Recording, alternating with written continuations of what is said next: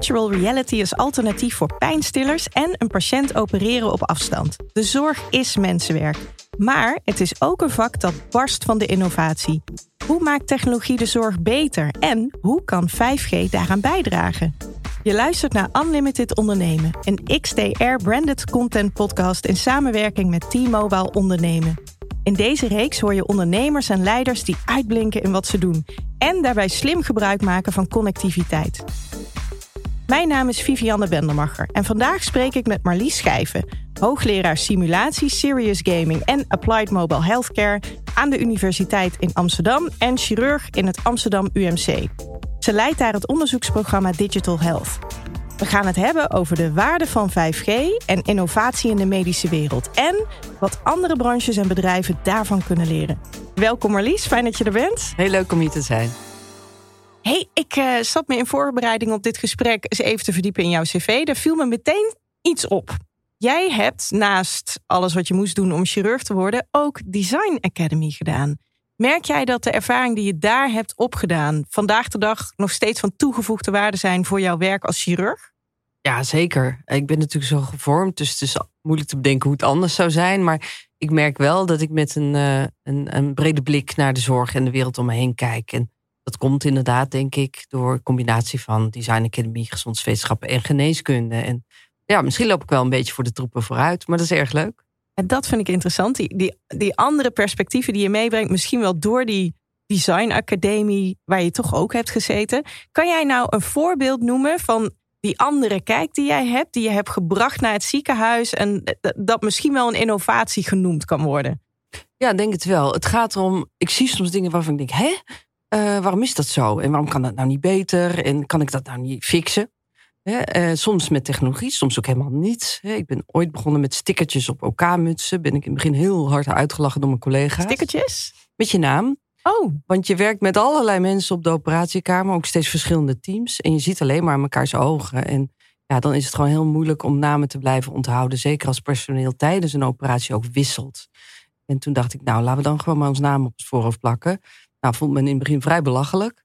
Maar inmiddels doet iedereen het, omdat het gewoon werkt. Het is echt een beetje een no-brainer. En nou, dat komt misschien wel voort uit hoe ik naar de wereld kijk. Van kan dit nou niet slimmer? En soms met hele simpele voorbeelden. Maar soms ook met hoge, hoogstaande technologische innovaties. Zoals een blackbox op de operatiekamer. Daar moet je me alles over vertellen. Een blackbox op een operatiekamer. Ik denk bij een blackbox aan dat ding in een vliegtuig. Is het vergelijkbaar? Voor een deel. Um, de, de, de, geneeskunde, of in ieder geval de chirurgie, leent vaak ook vanuit de luchtvaart en andersom. En dat is ook goed. Je moet naar mekaars industrieën blijven kijken, zeker als dingen goed gaan. En um, ja, ik dacht dus van, nou ja, goed, Formule 1 teams of voetbalteams, die kijken allemaal terug naar hoe ze het gedaan hebben om beter te worden. En nou is de zorg natuurlijk een heel andere omgeving, waar je ook met privacy te maken hebt van patiënten en de medewerkers.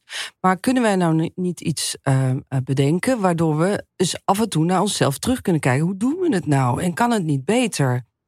En um, ik kende een uh, chirurg uit Canada die eh, begonnen was met een bedrijfje dat een blackbox maakte voor de zorg. En toen zijn we samen met hem dat verder gaan ontwikkelen. En we hebben als eerste in Nederland dat toen in het Amsterdam IMC gezet in 2016. Um, ehm, en daar heel veel van geleerd en ook op verder gebouwd. En het gaat er dus om, kun je veilig naar jezelf kijken op een operatiekamer? En hoe je het doet in je operatieteam. Want we hebben het hier over videobeelden, wat je dan dus uh, verzamelt. Uh, geluid, denk ik. Uh, nog meer zaken? Ja, eigenlijk alles wat er in een operatiekamer gebruikt en uh, wat digitaal kan worden opgenomen.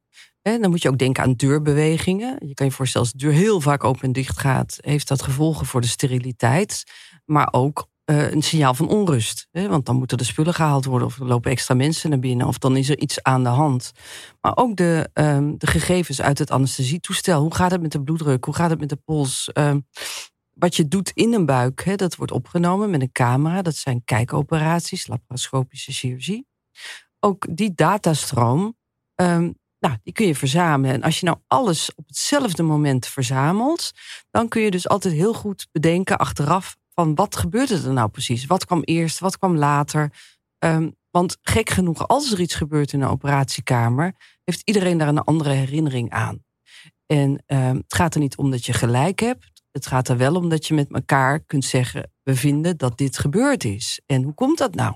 Nou, dat lijkt me een duidelijk voordeel. Hè? Dus dat je uh, objectiever kunt kijken naar wat is er gebeurd. Wat levert zo'n blackbox nog meer op? Nou, heel veel. Ik, we, we gebruiken hem eigenlijk uh, voor drie doelstellingen. En de eerste is dat je uh, naar elkaar terug kan kijken. Dus team performance. Hoe doe je het als team?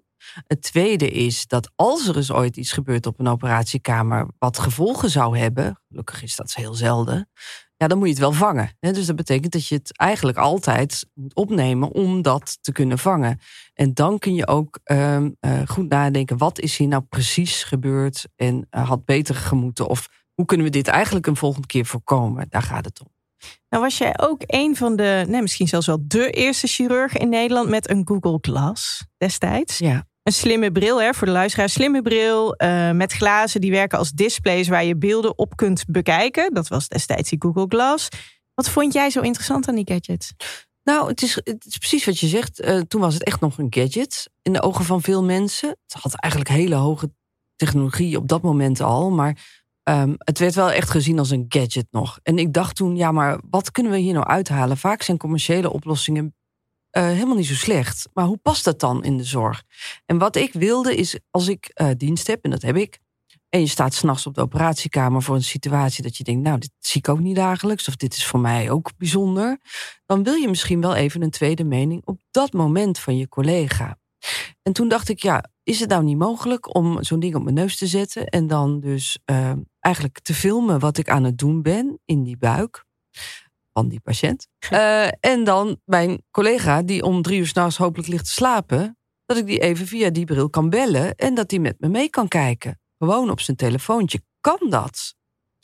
Uh, dus echt een proof of concept. En uh, dat heb ik gedaan en dat lukte. En daarmee kon ik veel vragen mezelf stellen en deels ook beantwoorden, deels ook niet. En dat is hoe je, denk ik, innovatie in de zorg verder brengt. Ik moest gaan nadenken over privacy, over uh, wat is de, de, de lag time. Hè? Dus als je filmt, is dat dan precies op dat moment of zit er een paar seconden vertraging op? Um, als ik van een afstandje ergens naar kijk, is het dan in een rechte lijn of heb ik een hoek, waardoor mijn collega misschien alleen het bovenste deel van de operatie ziet die ik aan het doen ben? En wat zijn de technische factoren die ik uh, kan verbeteren en hoe kan ik zorgen dat ik s'nachts in de toekomst geholpen word. En toch is het bleef bij een proof of concept met die Google Glass, toch? Ja, dat klopt. En dat komt omdat Google Glass uh, een aantal redenen. Het was niet uh, wijd verkrijgbaar. Um, het heeft ook echt uh, in de pers uh, negatieve pers gekregen, omdat mensen met dat ding op straat gingen lopen met de camera aan. Hè. Die werden glassholes genoemd. Dus er ging op een gegeven moment ook een soort van uh, negatieve sfeer omhangen, terwijl het concept eigenlijk heel waardevol is. En het gaat, het gaat ook niet alleen om Google Glass. Het zijn inmiddels allerlei slimme brillen waarmee je op afstand mee kunt kijken. Dus die technologie staat gelukkig ook niet stil, omdat het van waarde is. En of het dan van Google is of Apple of Microsoft, maakt eigenlijk niet uit. Nee, nee, want met elkaar meekijken, samenwerken op afstand, uh, daar hebben wel meer chirurgen interesse in. Amerikaanse zakentijdschrift Forbes schreef onlangs dat platforms voor virtuele chirurgie in opkomst zijn. Bijvoorbeeld uh, het HoloLens-platform van Microsoft, waar je onder andere samen 3D-afbeeldingen van MRI-scans kunt bekijken. Meta werkt er zelfs aan om uh, de virtuele tastbaar te maken met handschoentjes, uh, zodat je dingen ook kunt voelen. Wat is volgens jou de waarde van dit soort virtuele platforms voor de chirurgie? Ik denk voor een heel groot deel dat die in opleiding liggen. Je moet je voorstellen dat, alhoewel een opleiding tot chirurg zes jaar duurt, um, is het toch vrij uh, moeilijk om mensen genoeg ervaringen mee te laten uh, nemen vanaf de operatiekamer. En eigenlijk wil je ook dat mensen trainen buiten de OK, zodat ze eigenlijk al goed zijn als ze OK uh, mogen gaan opereren. Maar niet alleen chirurgen, ook operatieassistenten en andere mensen in opleiding tot iets in de zorg. Ja, die moet je eigenlijk de gelegenheid bieden om ervaring op te doen buiten de daadwerkelijke omgeving. Zeker nu we minder mensen in de zorg hebben of minder toegankelijk kunnen zijn uh, vanwege afstand houden of nou, pandemie heeft alles twee jaar stilgestaan. We hebben, we hebben gewoon minder mensen, we hebben hogere zorgdruk. Dus het opleiden van mensen op andere manieren, uh, in de metaverse of via virtual reality of met zorg op afstand, is gewoon iets wat we echt moeten onderzoeken. Voor jou zelf ook? Want je hebt het over educatiedoeleinden. Ik stel me zo voor dat dat de newbies zijn die de wereld binnenkomen. Maar jij zelf kan dan ook steeds weer nieuwe dingen blijven leren. Zeker. En je moet ook steeds willen blijven leren. Anders sta je stil, is niet goed. Ik ben zelf gepromoveerd destijds op simulatietraining en virtual reality in de zorg. Nou, dat is al tien jaar terug. Dus het is ook niet per se iets nieuws. Maar het is wel iets wat steeds in ontwikkeling is. En het gaat vaak niet zozeer om de technologie. Maar hoe, hoe zorg je nou dat het goed aansluit op de werkomgeving de condities, op de opleidingen. Hoe zet je het goed in? Dat vind ik een leuke vraag. We hebben ook nog een heuse 5G-expert op de lijn. Egbert Kroon, innovatiedirecteur voor de zakelijke markt bij T-Mobile. Dat houdt in dat hij verantwoordelijk is voor het ontwikkelen van alle nieuwe producten en diensten. En we vroegen hem naar drie waardevolle innovaties die varen op 5G. In de zorg en daarbuiten. Maar voordat we daarin duiken, wat is ook alweer precies de meerwaarde van 5G ten opzichte van 3G en 4G? Ja, de belangrijkste eigenschap die de meeste mensen zullen merken is eigenlijk gewoon de snelheid. Waar je met 3G vooral kon e-mailen, kon je met 4G al Netflix eh, kijken en videogames eh, spelen op je telefoon. En met 5G heb je eigenlijk nog veel meer snelheid, waarmee je nog mooiere toepassingen zoals virtual reality kan gaan gebruiken andere mooie uh, feature vind ik zelf is eigenlijk de reactiesnelheid. We werken bijvoorbeeld in een project samen met de gemeente Amsterdam over een connected e-bike. En die gaat automatisch afremmen als die dicht in de buurt komt van waar heel veel mensen tegelijkertijd zijn. Dus bijvoorbeeld wandelen. Nou, dan moet je natuurlijk wel kunnen herkennen dat hij daarbij in de buurt is. Dan moet die fiets heel snel communiceren met het netwerk en weer terugkoppeling geven dat die fiets moet gaan afremmen. Anders krijg je natuurlijk allerlei mensen voor je fiets en dat wil niemand. En, en 5G maakt eigenlijk mogelijk ten opzichte van 4G om veel meer apparaten eh, tegelijkertijd te verbinden die dicht bij elkaar zitten. Oké, dus snelheid, reactietijd en veel apparaten tegelijk kunnen verbinden. Dan door naar drie voorbeelden van innovaties in en buiten de zorg die varen op 5G. Ja, het eerste voorbeeld te zien is de Holobox. Een Holobox is een, eigenlijk een grote doos op uh, levensecht uh, formaat. Waarin je een persoon live uh, realtime kunt streamen van één locatie naar een andere locatie. Degene die naar de Holobox kijkt, die ziet dan een hologram van de persoon die dat uitzendt. En door die box met 5G te verbinden kun je hem eigenlijk overal neerzetten. Dus een mooie use case is bijvoorbeeld dat je zo'n box in een huisartsenpraktijk uh, kunt zetten op locaties waar minder huisartsen beschikbaar zijn. En de huisarts dan zelf ergens in de stad zit of ergens anders waar die wel is. En dan een patiënt die een consult nodig heeft, gewoon normaal naar de huisartsenposten komt of naar de huisartslocatie. En dan zijn consult doet met iemand die gewoon nou ja, echt is, maar op een andere plek zit. Dus veel meer dan een, een plat 2D-scherm. Eh, een echte ervaring via zo'n holobox. En door met 5G te verbinden ben je dus kun je neerzetten waar je wil. Nou, dat is een mooie use case die we zien voor zo'n box. Een andere use case is dat we die in, bijvoorbeeld in hotels uh, kunnen zien. Dan zie je ook uh, dat je bijvoorbeeld een nachtassistent hebt. Uh, dus één persoon zit op een locatie en kan eigenlijk meerdere hotels tegelijkertijd bedienen. maar ook in winkelcentra waar vragen zijn. eigenlijk overal waar je mensen nodig hebt die niet op die plek zijn, maar waar je wel interactie wil. dus dat kan ook in klaslokalen. Eigenlijk heb je onbeperkte mogelijkheden het tweede voorbeeld eh, gaat eigenlijk over 5G en artificial intelligence toepassing. Die twee zie je best vaak bij elkaar komen. En een mooi voorbeeld ook in de zorg gaat over een Nederlandse start-up die Caring. Zij hebben eigenlijk een ouderwetse telefoon ontwikkeld die verbonden is via 5G. Waarin mensen met dementie, eh, die bijvoorbeeld op dat moment in verwarring zijn of in een paniekaanval of onrustig zijn, de telefoon kunnen oppakken en dan een gesprek kunnen voeren met hun kinderen. Dat zijn allemaal vooropgenomen opnames. En dan kunnen ze met hun kinderen of andere familieleden gesprek voeren over bepaalde onderwerpen, zoals dingen vroeger waren, uh, herinneringen die zij hebben. En door artificial intelligence toe te passen, kunnen die gesprekken ook dynamisch zijn. Hè? Natuurlijk niet altijd hetzelfde gesprek. En op basis van wat degene met dementie dan vraagt, kan eigenlijk artificial intelligence inspelen uh, om het juiste antwoord te geven. Dat, dat is heel mooi. De eerste resultaten daarvan zijn heel positief. Mensen slapen daardoor beter en worden er rustiger van.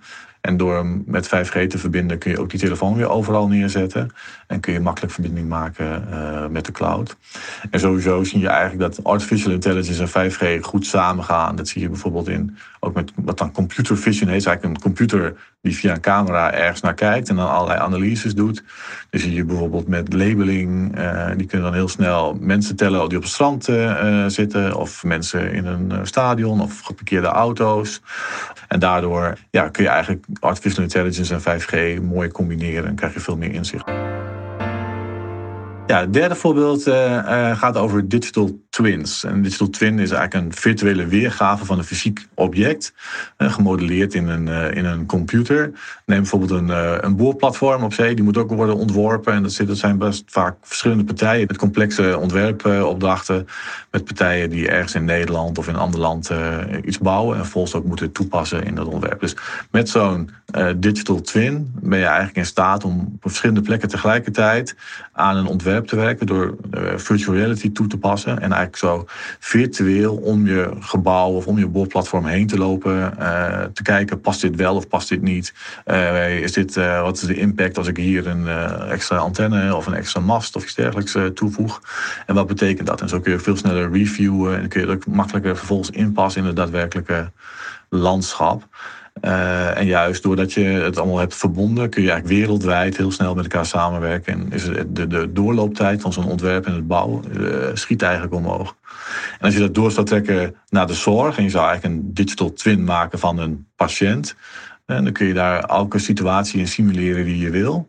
En dan kan ook een arts in opleiding kan dan eigenlijk met virtual reality gaan kijken. Hey, ik heb een scheur van de aorta. Nou, ik ben geen medisch specialist, maar alle dingen die kunnen voorkomen zeg maar, in een patiënt, kun je eigenlijk simuleren. En dan kun je ook daar eigenlijk een soort serious gaming bijna van maken, hoe je dat dan weer zou kunnen oplossen. Tot slot vroegen we Egbert Kroon wat andere bedrijven en sectoren kunnen leren van de manier waarop de gezondheidszorg 5G en Internet of Things of IoT-innovaties toepast. Een mooie vraag. Mijn ervaring met innovatie en ook met dit soort nieuwe technologieën is dat je vaak gewoon dingen moet gaan doen. Je moet ergens beginnen. En uh, je moet vooral heel goed naar je eigen processen kijken. Die begrijp je als geen ander het beste. En dan kijk je naar een nieuwe technologie, bijvoorbeeld uh, computervisie, waar we net over hadden, of artificial intelligence met een voice assistent. Welke processen heb ik nou in mijn organisatie? En hoe zou ik die nou kunnen verbeteren met toepassing van zo'n technologie? En dan gewoon beginnen, gewoon experimenteren, haal er echt een specialist op. Het hoeft allemaal niet grootschalig, super innovatief eh, te zijn, want dat ja, dan krijg je toch niet direct je handen voor op elkaar bij je collega's. Maar als ze iets begrijpen en je kunt een kleine incrementele verbetering toevoegen, ja, dan wordt iedereen enthousiast. En dan ben jij de koning uiteindelijk van, uh, van je organisatie, omdat jij een mooie superproces hebt verbeterd. De koning van je organisatie, omdat jij het proces hebt verbeterd. Voel jij je vaak de koningin? Nou, nee, nee, nee, dat is zeker niet. Maar ik herken wel heel erg uh, wat Egbert zegt. En die blackbox, uh, om daar even op terug te komen, die hadden we in 2016. Nou, we zitten nu in 2022. We gaan komend jaar twee blackboxen op locatie AMC en locatie VUMC installeren. Voor het derde doel inderdaad, AI-ontwerp en uh, daar de processen mee te optimaliseren. Dus het is precies uh, wat Egbert ook aanhaalt. Hè. Inmiddels zijn de collega's mee, ze hebben ervaring daarmee. En uh, dan nu naar de volgende stap, het ons laten helpen op elkaar door een computergestuurd systeem. Ja, dat zou prachtig zijn. Ja, en dan ga je ook toe naar opereren op afstand. Dat is nog een technologie waarvoor 5G enorm interessant is. En dat gebeurde voor het eerst in 2001 via een glasvezelverbinding tussen New York en uh, Straatsburg. Waar staan we nu? We gaan van 2001 even een enorme sprong in de tijd maken naar nu. Waar staan we? Nou, gek genoeg is daar niet eens zo heel veel in gebeurd. Ook dat was een proof of concept, de Lindbergh-operatie. Uh, het ging toen om een galblaasoperatie. Het is natuurlijk niet heel spannend. Maar ook dat was om te testen, kan het? En ik denk wat heel mooi zou zijn als we 5G kunnen gebruiken om inderdaad collega's die uh, nou, uh, soms voor heel veel mensen moeten zorgen op een afgelegen plek, zoals in Afrika of nou, misschien op de Noordpool, Zuidpool of misschien wel in de Space Station, te helpen um, als ze hulp nodig hebben. En dat kan door aanwijzingen, hopelijk ook door meekijken tijdens een operatie of zelfs uh, mensen die niet opgeleid zijn als chirurg, maar als verpleegkundige, te helpen operaties uit te voeren. Want uh, als iets heel gestandaardiseerd is, en gelukkig wordt dat steeds meer zo, kan je een techniek of een technologie natuurlijk prima aanleren, bijvoorbeeld voor SAR-operaties.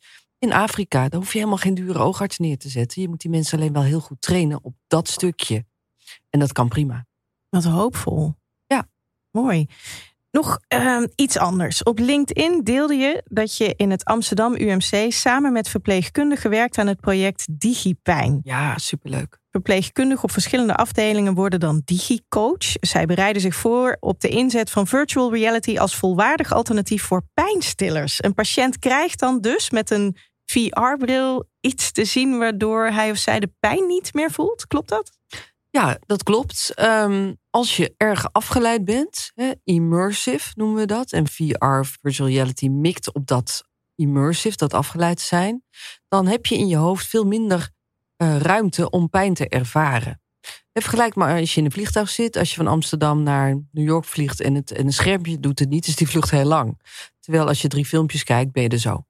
En um, nou, in het ziekenhuis weten we dat wondzorg iets is waar mensen angst voor hebben. En door angst wordt pijn ook als heviger ervaren. En als je uh, mensen met virtual reality brillen of muziektherapie kunt afleiden, ja, dan zou je wel eens uh, veel minder angst, spanning en pijnstillers nodig kunnen hebben. En dat gaan we nu onderzoeken.